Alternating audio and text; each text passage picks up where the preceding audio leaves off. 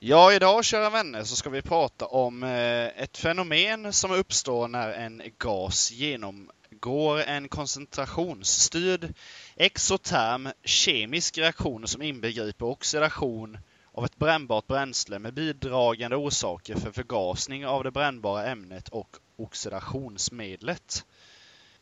Ja, och nu fattade jag inte riktigt vad du menade men eh, jag vet ju vad avsnittet ska handla om. Kan du ta det för de lite yngre lyssnarna? Ja, eh, i stort sett eh, så enkelt som vi ska prata om eld.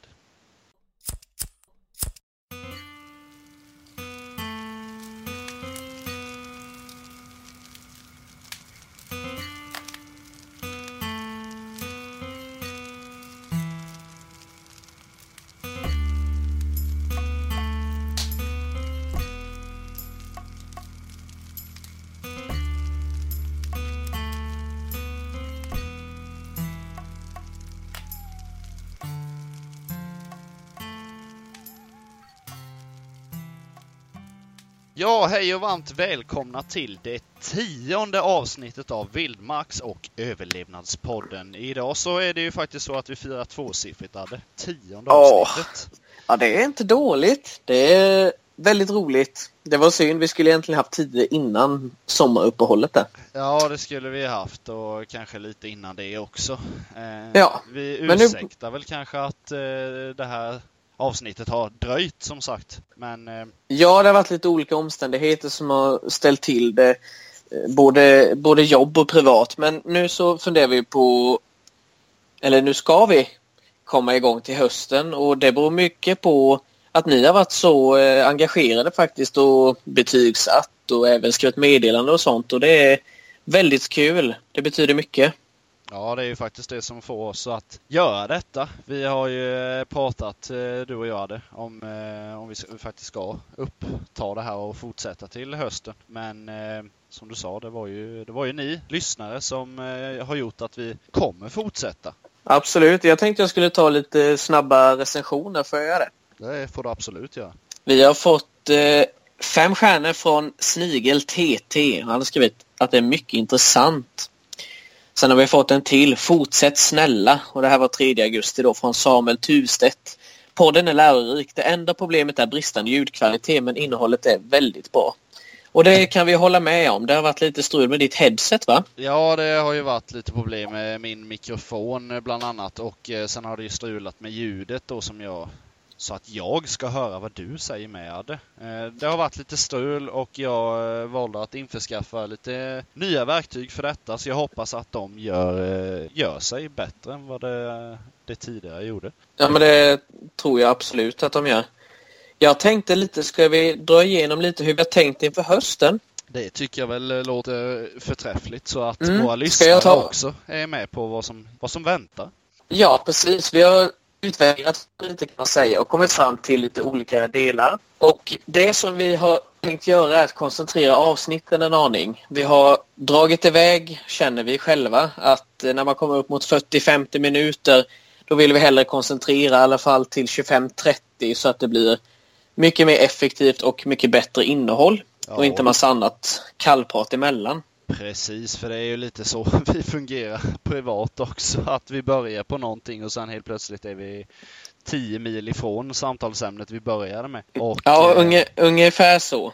Det känns som att när vi ska säga hej då till varandra i telefonen så ja, det hej då tar ju 20 minuter. ja, utan, att, ungefär. över- utan att överdriva till och med. Så det, Ja, Det gjorde vi ju häromdagen till och med. och då är vi ändå snabba på 20 minuter. Det kan ju vara värre. Det har varit värre i alla fall. Ja. ja.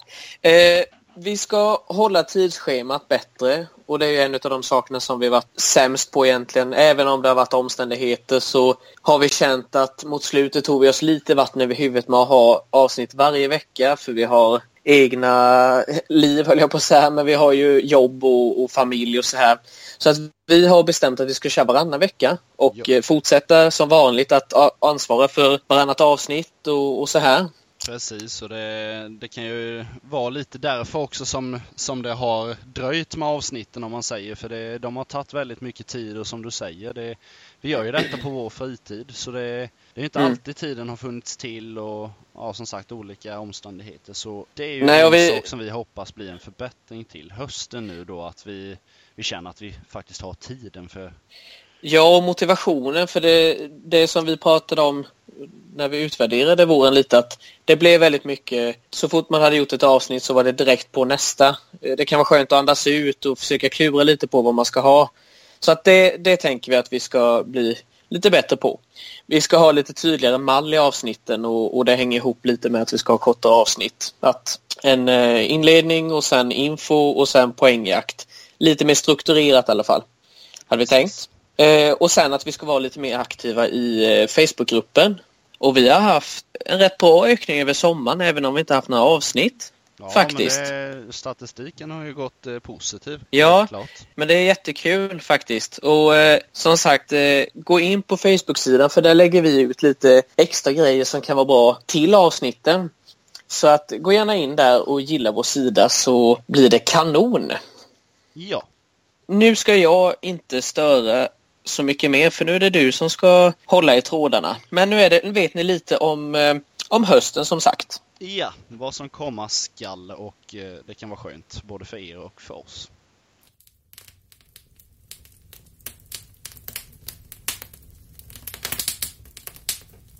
Ja, vem känner inte ett sorts lugn och känsla av hemtrevnad infinna sig av det där ljudet? Eld har ju faktiskt funnits med oss människor så länge genom historien att det av många spekuleras vara anledning till varför vi känner så starkt för elden. Eh, det har liksom byggt upp, kan man säga, eller byggt på vår känsla för den under åren. Det är otroligt lätt, otroligt lätt att komma på sig själv med att ha spenderat alldeles för lång tid med att bara egentligen sitta och stirra in i lågorna när man sitter med nära och kära runt en öppen eld.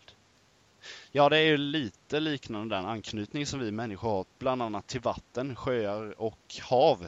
Och eh, det här stämmer i alla fall helt in på mig. Jag har suttit framför eldar i, jag vet inte hur många gånger, men i alla fall så kan man ju förlora sig i de här lågorna som flammar framför en. Eller vad säger du Adrian? Hur, hur är det för dig? Jo, men eh, så är det. Eh, tidigare idag så floade jag ved. Nu vet jag inte, det kanske är väldigt småläst med floa, men staplade ved. Det låter och det, Ja, men det är nog F-L-O-A, floa. Det, det blir bra. Eh, nej, men jag gjorde det tidigare idag och det, det liksom påminner om den här känslan att det här kommer värma mig i höst, vinter, vår. Det, det är en känsla och som du säger att man kan bli väldigt förtrollad när man bara tittar in i elden och det är ofta associerat kanske med läger man var på eller den här mysiga utflykten när man grillade korv och så här. Och det, jag tror inte det är någon slump att vi människor vill ha en kamin i ett hus utan jag, som du säger, det har funnits med oss så länge så att det, är, det är någon form av instinkt vi har. Att eh, det är mysigt och eh, ger värme och så här. Ja, det sitter någonstans i ryggraden tror jag. Ja, och jag, jag tycker det är rätt fascinerande. Det finns få saker, det kanske är vatten och sånt med då, men någonting som kan vara så så härligt och värmande och mysigt som samtidigt kan vara så skrämmande och förödande. Eh, det brukar jag tänka på ibland. Vilka otroliga kontraster det är emellan. Oh ja. Så det är lite mina tankar kring det. Det är lite dina tankar. Ja, och det är ju faktiskt så att eld, det, det, är ju inte bara vackert och härligt och mysigt utan det är ju också, kan vara livsfarligt. Och det kommer vi in på alldeles, alldeles strax. Men först så tänkte jag dra faktiskt lite ja, onödigt vetande eller bara nyfikenhetskittlande sväverier kring eld kan man väl kalla det. Kontrollerad eld. Men... Som inte har eskalerat kan man säga eller? Precis. Nej men mm. någon sorts form av att vi människor har ju kontrollerat eld då. Eh, även förr i tiden. Det är ju inte något nytt påfund direkt. Arkeologiska fynd visar faktiskt att eh, runt 790 000 år sedan, även då, hade vi kontroll över eld. Mer Oj, eller mindre i alla fall.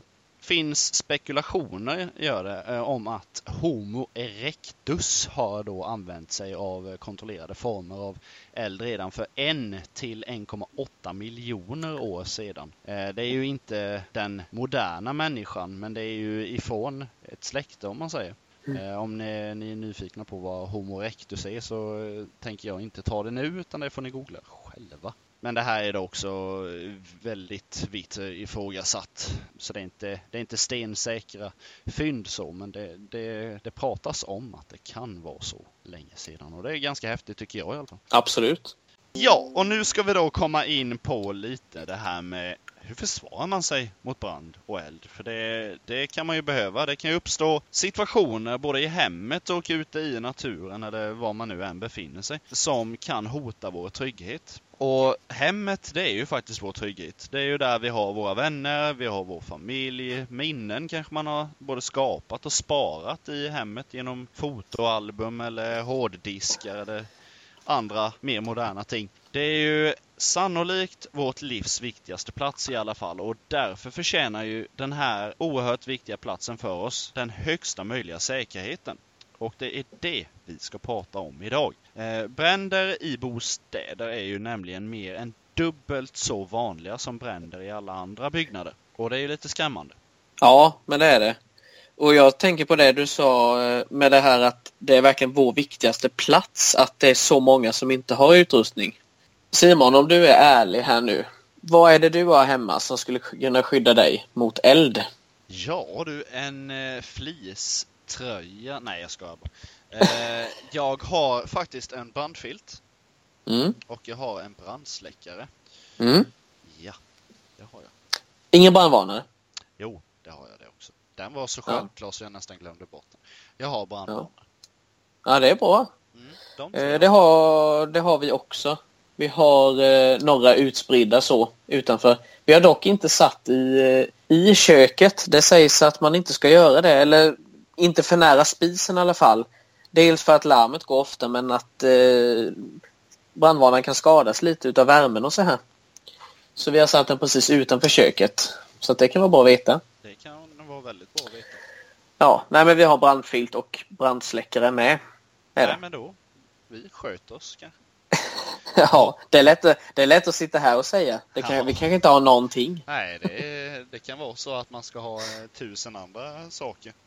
Ja, nej men jag ska säga ärligt talat att det var mer en ögonöppnare som fick mig att eh, åka och köpa det direkt. Det var, det var när vi var med, med jobbet på en brandutbildning och i och med att jag har egna barn så visade de ett videoklipp då när, när man jämförde om man hade brandvarnare eller inte då och då var det mamma som la sitt barn på övervåningen och, och liksom första då där det var en brandvarnare kunde hon gå upp innan det hade eskalerat och andra så bara var det helt övertänt i hela trappen och det, och det bara gick rysningar så då åkte jag direkt till, eh, till en affär och köpte eh, både filt och släckare och varnare.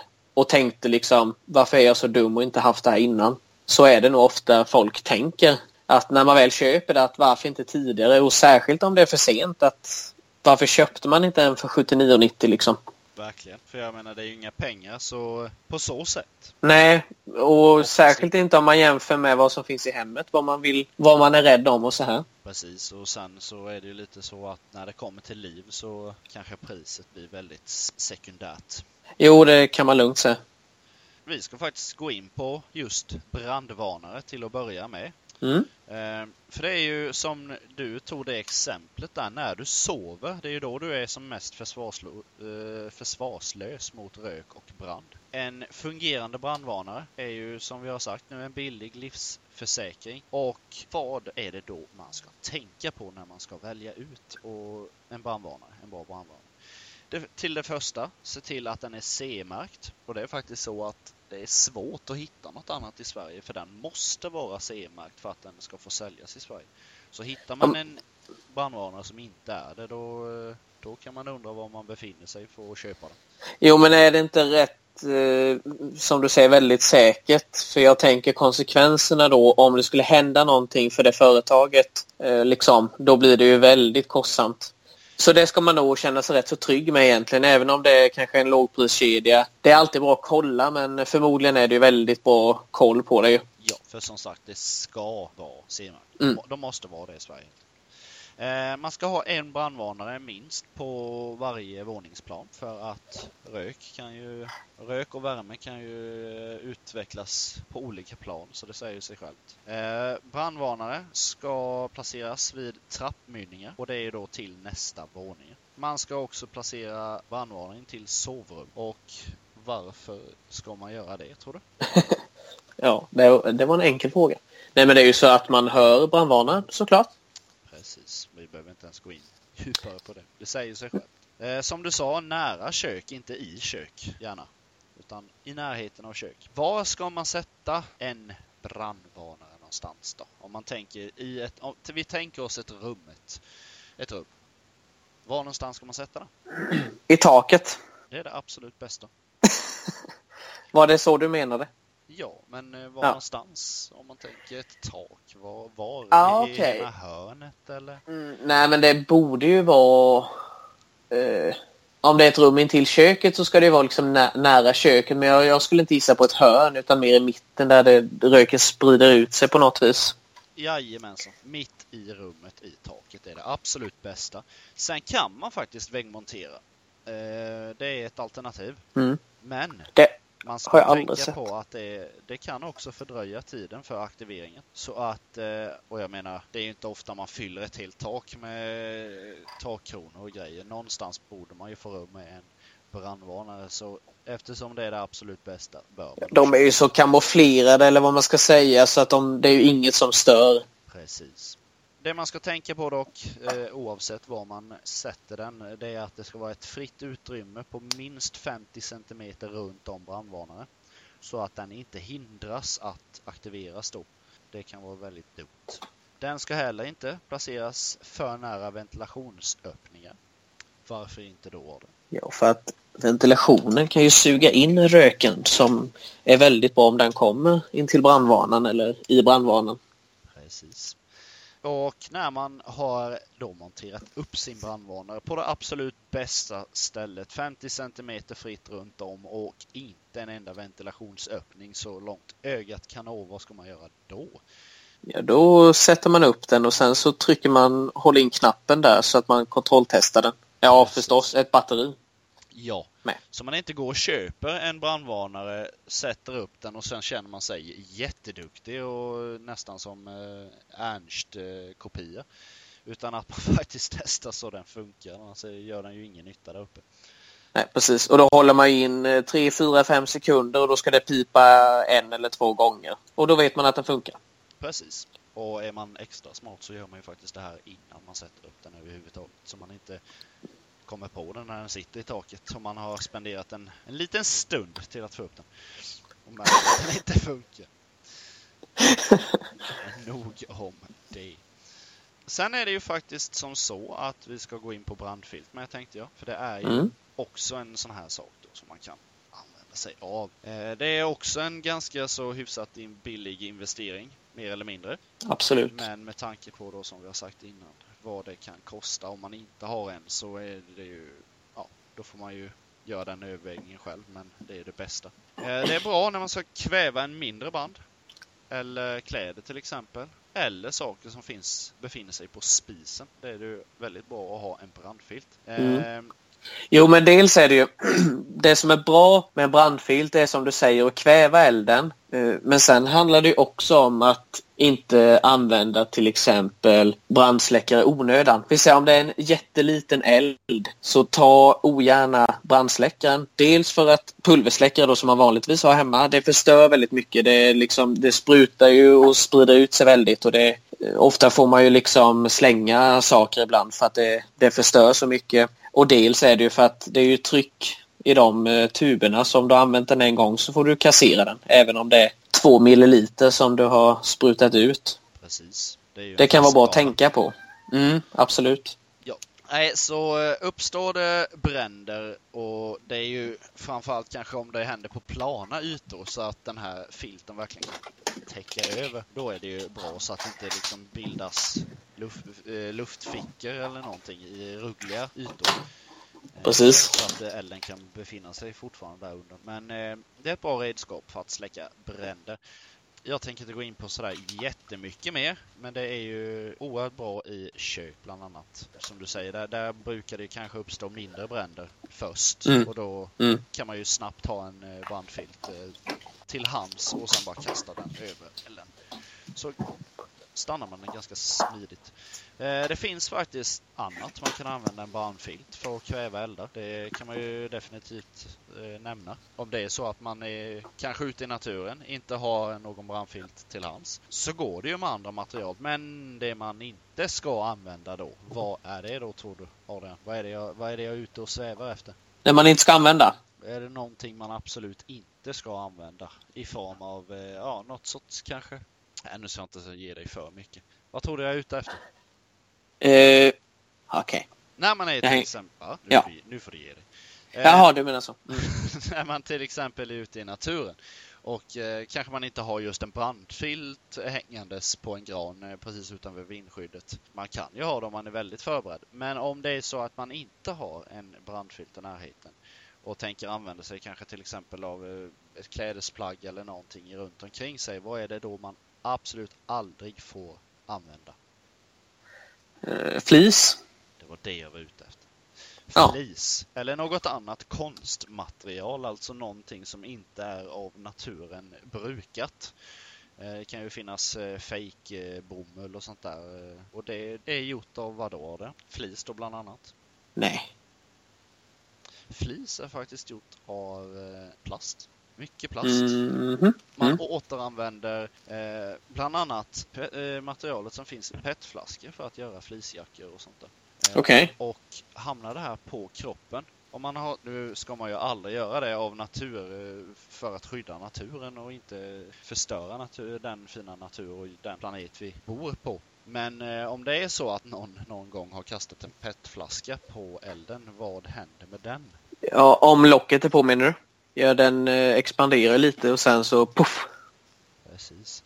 Eller bara också om man inte har kakan på så smälter den ju runt. Det, det, det blir ju som ett Ja. täcke som lägger sig runt och det Ja. här är otroligt varmt så man eh, Grejen är ju då att får man flis på sig, den börjar brinna, då smälter det runt om kroppen och det gör ju att det blir otroligt svårt att få bort, att bli av med ifrån kroppen och då blir ju brännskadorna otroligt allvarliga eftersom man får inte bort materialet som smälter och bränner din hud. Mm. Eh, Så det ska man absolut aldrig någonsin använda, det ska man tänka på. Eh, Nej, men det hade jag ingen aning om att det var gjort av plast alltså. Nej, det. Bomull är det rimligtvis inte heller men jag tänkte på att det är ju ändå det liksom, bästa tändmaterialet som finns. Så jag tänkte det skulle vara något sånt. Ja, det är ju härligt med den här podden att få lära sig lite nya saker. Precis. Ja, det fick jag faktiskt lära mig en gång eh, när jag var ute på ett scoutläger. Ja, du ser. Eh, Vad bra. Så, så hade jag eh, och några kompisar nämligen fleecetröjor på sig. Och då sa vår ja, scoutledare där då att det här ska man akta sig för när man sitter nära eld. Och eh, det var faktiskt så, för när sitter man runt en eld så är det ju, det sticker ju iväg lite, det sprakar ju och sådär runt en eld. Mm. och eh, stänker kan man säga. Och eh, när jag kom hem sen efter det här scoutläget så fick jag en lite närmare titt på min fleecejacka. Och det Ja. var faktiskt så att den hade smält på vissa ställen. Och, och Jo, men det, det känner jag också igen från, från läger så att det har kunnat smälta. Absolut. Lite så här hänger lite hårda klumpar i, i Ja, flisen. ja. Ungefär som när man eh, bränner såna här eh, eh, snören. Såna Ja, plastsnören precis, eller de här. precis. Mm. Nej, så det ska man vara försiktig med. Tänkte också gå in på det tredje som vi hade, brandsläckare. Alla bränder, de startar ju som vi sa innan. De startar ju små, men de eh, kan ju växa sig otroligt snabbt. Små bränder, de kan ju oftast släckas antingen med då vatten eller kvävning med hjälp av en matta eller ja, brandfilt som vi var inne på. Mm. Men eh, om då elden har tagit sig lite fort, blivit lite större, eh, det är svårt att komma åt, det är svårt att komma nära, då är ju en brandsläckare perfekt. Eh, och vilken eh, brandsläckare ska man använda då? Ja, det finns ju olika. Men den som rekommenderas mest varmt, det är pulversläckaren. Och det är för att den är lätt att använda, den är effektiv och den kräver inte jättemycket underhåll. Precis. Faktiskt. Men det är, visst är det så att man ska vända den eh, upp och ner någon gång eh, om året eller så här? Eller någon gång ibland va? Ja, det ska Mm. man ju Ja, varför då? Jag gissar att det är att pulvret på något vis lägger sig i botten kanske. Det är ju faktiskt så. För att liksom Mm. hålla den fräsch och redo. Någonting jag kan tillägga om brandfilt, det är ju att eh, man, om man säger att det startar en eld, man lägger på, försöker kväva den här, man klappar lite försiktigt på, ovanpå filten så att det verkligen ska, elden ska lägga sig under. Och man är lite då nyfiken på, har det verkligen slocknat? Om man ska titta. I vilken ände tror du då Adrian man, att man ska titta? Vilken ände är det man ska lyfta på? Den närmast dig eller den längst ifrån dig? Längst ifrån. Ja. För är det så att du lyfter på den längst ifrån, vad händer då? Åt vilket håll sticker elden upp om det skulle vara en eld kvar? Ja men det, den går bort från den. Precis. Då För el- elden letar ju alltid, vill ju hitta ut eller så här och då letar den ju ut genom där man lyfter. Precis. Och du skyddar ju resten av kroppen med filten. Skulle du lyfta den änden som är närmast dig, då flammar det ju upp självklart rakt upp i ansiktet på dig. Så det Mm. ska man tänka på när man använder en brandfilt. Det som rekommenderas att ha i en eh, lägenhet, villa eller ett fritidshus när det kommer till brandsläckare, det är ju 6 kilos. Det är, det är ett bra mått. Och detta får jag faktiskt if- ifrån räddningstjänstens hemsida. Ja just det. Det, det, Jag ska gå, gå direkt här och kolla vad jag har. Mm. Mm. Jag har... Ska vi se.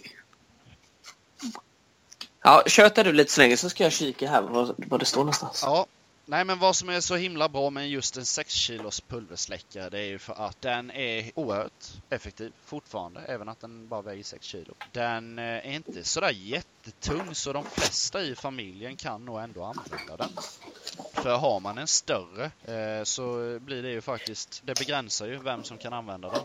Då kanske det bara är de vuxna i hemmet som kan använda den eh, och medan barnen eller ungdomarna då inte kan lyfta den för att den blir för tung eller också inte lyfta den effektivt. Så det, Precis. det, det är en bra vikt och den kan, eh, den kan släcka de mesta. Ja, precis. Kom du fram Adrian till vad ni hade? Ja, det var 6 kilo. Det var 6 kilo. Det är ju den vanliga som är en halv meter hög ungefär. Mm. Har du det också eller? Eh, ja, det har jag. Mm, mm. Jag tänker, det kollade jag redan innan eh, detta avsnittet bara för att se om det faktiskt var så att det var 6 kilo, så det var det. Just det. Eh, ja, jag tänker inte gå med in på mer, men är man nyfiken på hur man ska använda en brandsläckare, det är ju väldigt tråkigt om jag ska sitta och dra stegvis hur man ska göra, så kan man gå in på räddningstjänstens hemsida och kolla där. Precis. Eh, de har både bilder och informationsvideos där man kan se hur en sån här ska användas. Visst. Du kanske kan, vi kanske kan länka den på Facebook-sidan ju. Det kan vi ju definitivt göra. Så gå gärna in där så kan vi länka. Jag har också eh, en bra sida och det är ju MSB, Myndigheten för samhällsskydd och beredskap. Den är ju också fantastisk med lite olika statistik och grejer. Jag länkar den med så blir det kanon. Så gå gärna in där och så samtidigt så likar ni. Ja, bra. Eh, ja, det var de tre sakerna jag främst skulle ta, tänkte jag. Eh, det är det som man, jag tror de flesta känner igen att man har hemma. Ja, och någonstans i hemmet där det uppstår främ, eh, flest bränder, det är ju faktiskt i köket. För det är mycket i köket som, är, eh, in, in, som handlar om upphettning av mat bland annat. Jag tänker gå in lite på vad man kan göra för att undvika köksbränder. För det är ju inte sådär jätteroligt när de uppstår. Så går det att undvika, gör man ju gärna det. Ett tips det är då att aldrig någonsin gå ifrån spisen om man har en kokande kastrull eller stekpanna med olja eller fett på plattan. Det är ju inte lika farligt då kanske om man ska koka vatten till spaghetti och sätter på eh, plattan, häller i vatten i kastrullen och låter den stå där. Det kanske man inte ska göra men eh, Men det är väldigt lätt hänt att man eh, gör ju det. När man är tankspridd eller man ska bara hämta mobilen eller uh, ungarna bråkar eller så här. Så det är väldigt lätt hänt. Även om det låter väldigt självklart nu så är det så lätt att göra det. Precis. Men har man då olja eller fett på plattan, undvik det så gott det går. Om man låter en platta stå påslagen så kan ju det här matfettet då eh, ifrån fläkten också smälta. Ja precis, jag tänkte precis säga det men du hade det också. Precis.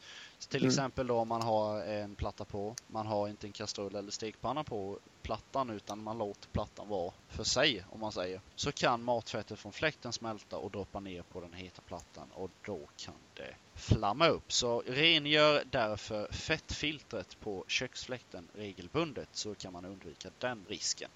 Men det har jag tänkt på. Tänk eh, induktionshäll. Vad fantastiskt det är egentligen. Det kan ju fortfarande bli om du har en stekpanna på, jag menar så, men om du glömmer plattan och eh, ja, om det bara står liksom, eh, om det inte står något på plattorna. Det, det gör ju jättemycket alltså. Precis.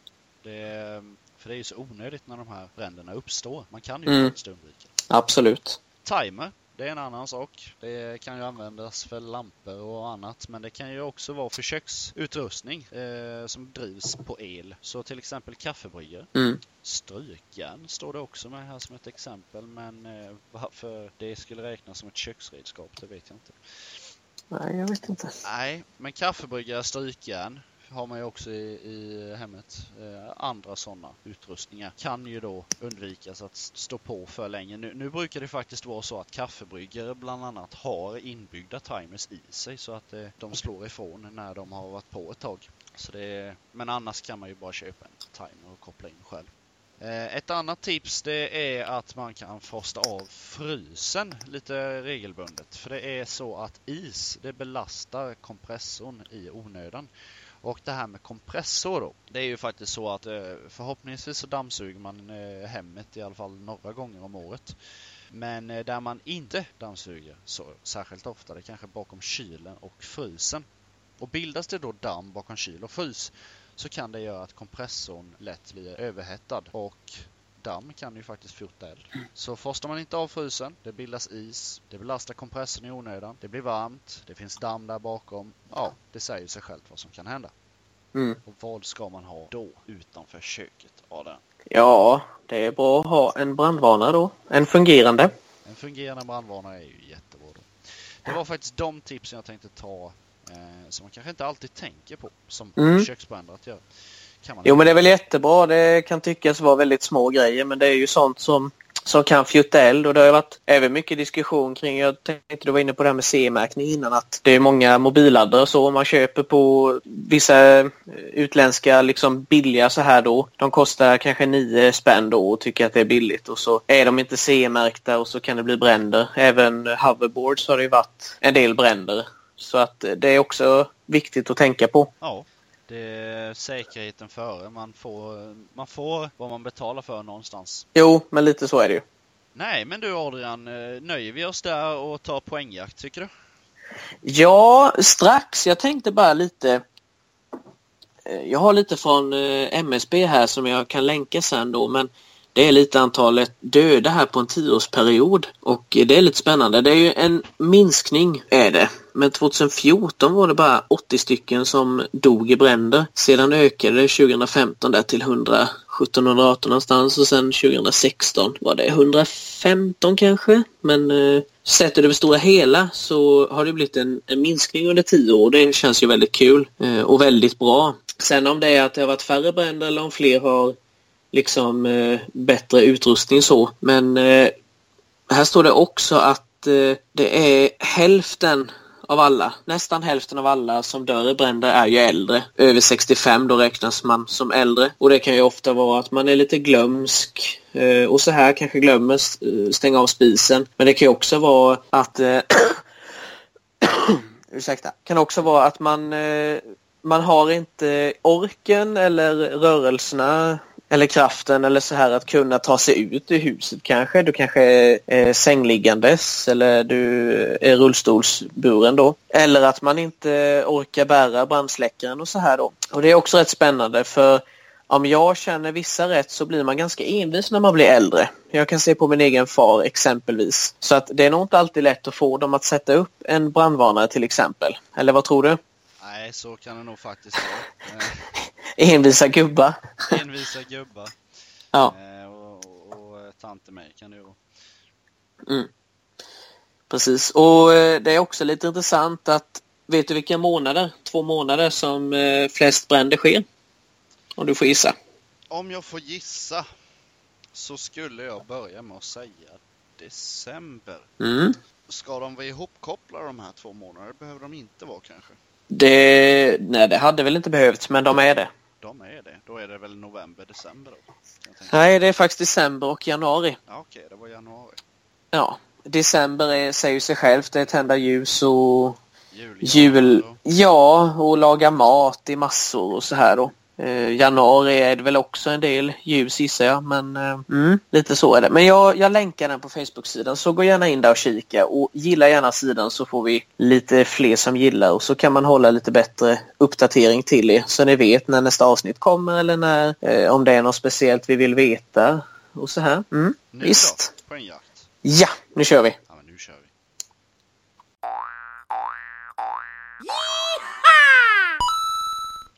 Jaha du Adrian. Eh, nu var det ett tag sedan. Kan man väl Det kan man- säga. Ja, hur gick det ut på nu igen? Nej, Ja du. Det är det får vi se. Frågan. Nej, men för er som kanske är nya nu i höst så är det ju en vanlig poängjakt då alltså. Vi har ett föremål, en händelse, en person kanske. Det kan vara lite vad som. Det kan vara lite vad som. Ja, eh, men det finns en regel och det ska ha med avsnittet att göra. Så någonting som relaterar till avsnittets innehåll. Ja, eller, eh, eller också överlevnad eller vildmark och överlevnad. Ja, säger. visst, Något, visst. Någonting. Ja, och så kör man fem poäng och sen fyra poäng. Och om jag gissar på tre poäng så avslöjar vi inte utan vi säger tvåan och ettan ifall det är någon av er som inte kan. Men det är nog ingen risk för det har inte gått så bra för mig. Jo då, nu ska du inte vara sån. Nej, men eh, nej, det, vad står det? det har jag ingen aning om. Det är väl 11-6? Det stämmer. Efter, lite, efter att vi fuskar lite. Efter lite research. Ja, men det är, hur svårt ska det vara att komma ihåg en eh, liten ställning bara mellan två spelare? Det är helt otroligt. Men nu så 11-6 så att om jag tar fem poäng, eller när jag tar fem poäng nu så ligger vi lika. Ja, är du redo för veckans kluring? Ni också för den delen, ni lyssnar. Det är nu du ska svara ja. Ja, Adrian. Nej, veckans kluring. Ett finskt ägg är bättre än en kaxig höna. Är det ledtråden? Yes. Ja, det är kluringen. Kan man väl säga, eller ledtråden. Ja, ett... Ett finskt ägg är bättre än en kaxig höna. Ett finskt ägg är bättre än en kaxig höna.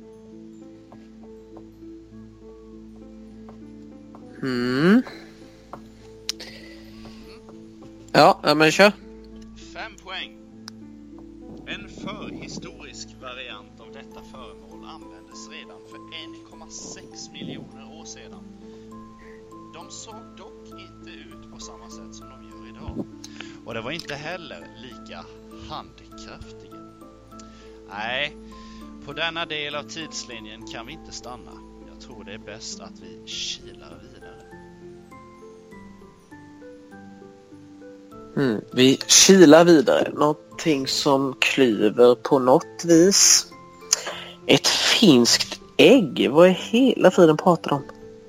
Är bättre än en kaxig höna. Mm. Ja, nej du får fortsätta. Fyra poäng. Mm. Det finns en salig blandning versioner av detta föremål och den vi använder idag är bara som ett axplock på en stor åker. Eh, oj.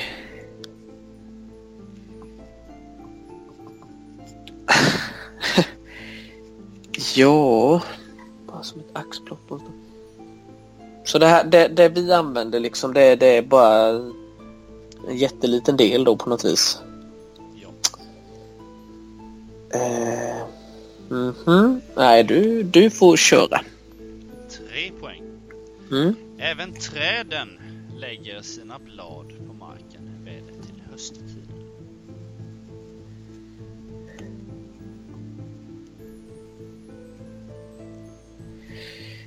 Träd lägger sina blad.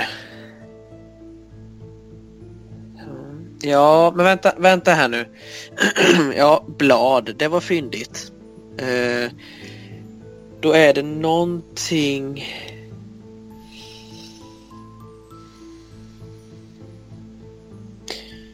Kilö. Eh, axplock på en stor åker. Alltså det jag var inne på var lie.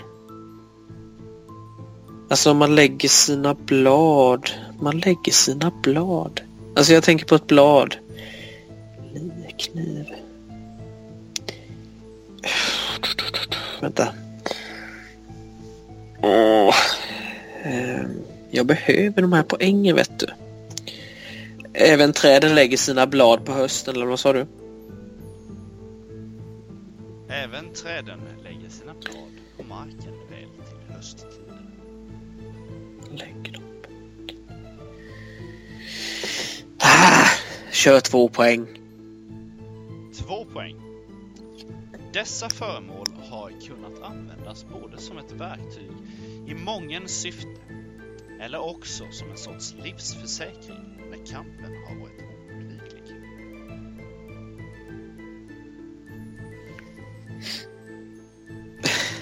Ja du.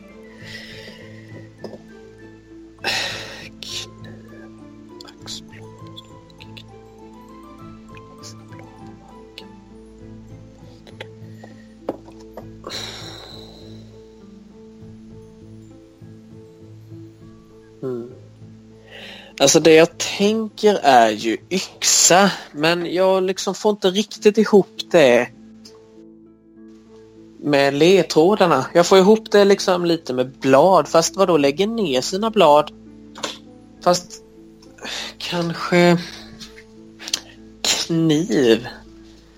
Men alltså det här är ju helt otroligt Simon.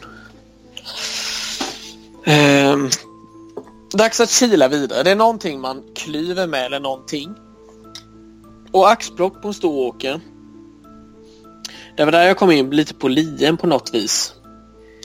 Träd lägger sina blad på marken och liksom då... Man lä men vad då lägger blad? Varför skulle man lägga den på marken? Ja, det var då jag kom in på lie liksom. Men den använder man ju inte i kamp. Uh...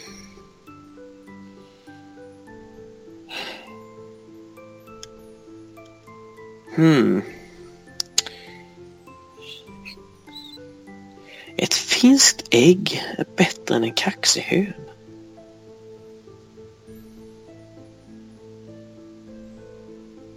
Nej du, du får köra en poäng. Är du säker? Ja, det är jag. En poäng. När man stod utan tak över huvudet eller medel för att värma sig kunde man skafta sig ett band med detta för. Som tidigare nämnt alltid haft ett brett utbud av användningsområden.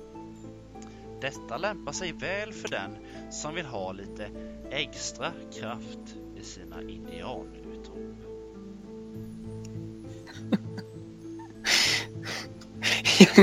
ja, skaft och ägg. Alltså det...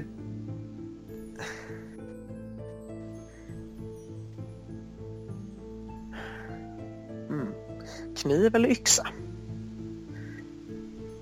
Kniv eller yxa? Men... Eh, eh kan jag ta den igen? När man stod utan tak över huvudet eller medel för att värma sig kunde man skafta sig ett band med detta föremål. Som tidigare nämnt alltid haft ett brett utbud av användningsområden. Det lämpar sig väl för den som vill ha lite extra kraft i sina indianutrop.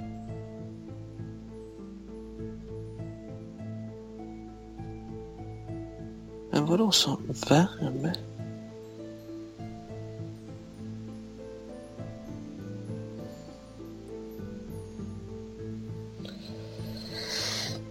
Det här är lite pinsamt. Äggstra. alltså det är ju ägg och skaft. Blad är ju något vapen. Men alltså jag, jag förstår liksom inte. Medel för att värma sig. Ska man skaffa ett band av detta? Skafta sig någon form av spjut eller något. Nej du Simon, du får... Eh... Nej. Jag vet inte. Du har övervunnit mig. Du har varit inne på det, men du har inte valt det. Kan jag säga. Ja, då gissar jag på... Vänta. Ska... Ja, ja, det är yxa då. Måste det vara. Kniv. Yxa. Kniv. Lie. Spjut. Var det spjut? Nej, det var det Men det jag tänkte du kunde lägga till ett exempel, eller ett, Men, ja. en sak att gissa på. ja, ja. Ja. Spjut. Är det ditt slutgiltiga svar? Ja, nej men eh, jag har redan sagt att jag inte kan så att det, det får bli så. Okej. Säg första bokstaven då. I. Ja. Yxa. Yxa. Ja, yxa. Nu! Ja, nu ska du får jag, förklara ledtråden lite här nu för nu... jag ska förklara precis hela poängjakten. Jag tror, ja, jag tror att varenda lyssnare här nu tror att du är halvt berusad. Ja, det är mycket möjligt. Ja, det är ju inget konstigt men. Men så är icke fallet. Nej, men alltså vänta nu. Ett finskt ägg är bättre än en kaxig höna. Ja. Finskt ägg. Eh, äh, nej, nu får du dra över här. Okej. För det första, ägg. Det är ju den vassa biten på en yxa. Ja, Ett finskt ägg är bättre än en kaxig höna. Då tänkte jag att du skulle börja, vadå kaxig? Yxig, kaxig. Kolla. Och sen i poäng, den var... Ja, jo. och sen i fem poängen Den var väldigt pratar- långsökt. Ja, det... lite så kanske. Men i fem poängen så pratade jag ju också om att de inte såg ut som de gör idag. Det gjorde de inte heller. Man, eh, de var heller inte lika handkraftiga. Var första Nej. ordet som jag har eh, fetmarkerat här. Handkraftiga, man får ju mer kraft i handen när man använder det här föremålet. Det är därför den är så användbar. Mm. Eh, nej, på den tidslinjen kunde vi inte stanna så eh, vi kilade ju som sagt vidare. Ja, men den, nämligen så- den var fyndig. Ja, den var lite fyndig kanske. Det är nämligen så att de äldsta yxorna, de kallades för handyxor eller också som mer känt handkilar. Så Mm. vi kilade vidare där som sagt. Ja, just det. Eh, på fyr, fyrpoängen där så eh, fanns det ju olika blandningar av den här versioner av det här föremålet än vad vi använder idag och eh, det var ju som ett stort axplock på en stor åker. Aha. Ja, du är... Du är klurig. Nej, klurig! Tre poängen där även, även träden lägger. Man lägger ju ner träden med hjälp av en yxa. Ja, just det. Eh, och bladet där då, då kommer ju återigen eh, en del av yxan in. Det är ju själva Ja, precis. järnbiten om man säger kallas ju för bladet. Eh, lite det här med att lägga ner träd, bränsle till eld som vi har pratat om idag. Så som du sa innan till våra lyssnare så är det ju faktiskt så att eh, de här poängjakten, jak- jakterna eller vad, vad ska man säga? Eh, ja, de här frågorna, de, de har ju ett, en bindning till, eh, Mm. till vad det handlar om. Ja, precis. När kampen var oundviklig så kunde man ju ta till det här som en sorts livsförsäkring. Det är ju faktiskt så att eh, man inte bara använt det som ett verktyg för att hugga Nej, träd och så, utan också som ett vapen. Och i en poängen där då så var det att man skulle skafta sig ett band. Det är ju själva det man håller i kallas ju för Oj, ursäkta. Kallas ju för skaftet då. Eh, Ja, men eh, vadå band? Ja, det är bara att skafta sig ett band. Jag var ju tvungen att få in skaft på något sätt, eller hur? ja. Det lämpar sig ju väl då för den som ville ha lite extra. Ja, ägg Ja, precis. där då. Kraft i sina indianutrop. Det är ju nämligen så att när man tänker yxor så jag i alla fall tänker ju på vilda västern och indianer. Ja, ja. Så där har du det. Jag la Ja. in, jag la in mången ordvits i detta projekt. Ja. Men Ja, men det- i alla fall. Ja, Och, ja det är bra det. och det var Ja. allt jag hade för den här veckan. Mm. Vill vi tillägga någonting Adrian? Ja, men vi vill passa på att säga att eh, som sagt, som vi sagt innan, gå in på Facebook-sidan, gilla Vildmarks och överlevnadspodden. Mailen är vildmarks och overlevnadspodden snabel-a gmail.com Och sen även eh, vill vi säga att nästa gång så kommer det handla om eh, lite olyckor och det kommer handla om bilolyckor. Eh, Det kan vara bränder, det kan vara olyckor och så här. Och då vill vi veta lite vad ni har för erfarenhet. Man kan ju mejla anonymt eller skriva på Facebook-sidan eh, också. Eh, har ni varit med om en olycka? Har ni kommit fram till en olycka? Har ni räddat någon? Har, känner ni någon som varit med om en olycka? Och så vidare.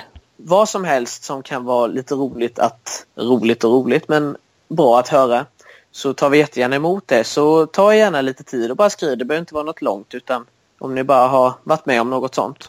Ja. Eller om ni har ett annat tips på någonting som ni känner att det här skulle jag vilja att eh, de tittade eller sökte upp lite och tog fram lite mer fakta om. Eh, alltså tips på ett tema som vi kan ha längre fram, kanske när vi har gått igenom det vi har planerat så här långt. Ja, precis. Eller också tips på en, eh, om man har en rolig poängjakt som man gärna vill att vi ska köra och testa varandra med så får man gärna skicka det också. Så precis vad som, eller bara en liten kommentar eller tanke på vad ni, hur ni tycker att det, det går för oss eller någonting vi kanske ska tänka på och så vidare i framtiden. Ja, visst. Mm. Absolut. Nej men, eh, Mm. vad säger Ja, du? men det var allt för idag. Jo, men det är... Jag är nöjd. Jag är nöjd. Förutom poängjakten.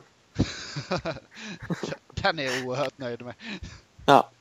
Ja, men det är bra. Simon, du får ha det så bra och ni andra också. Detsamma, detsamma. Och ni är också lyssnare som sagt. Ja, ha det bra. Ha det bra. Hej! Hej, hej.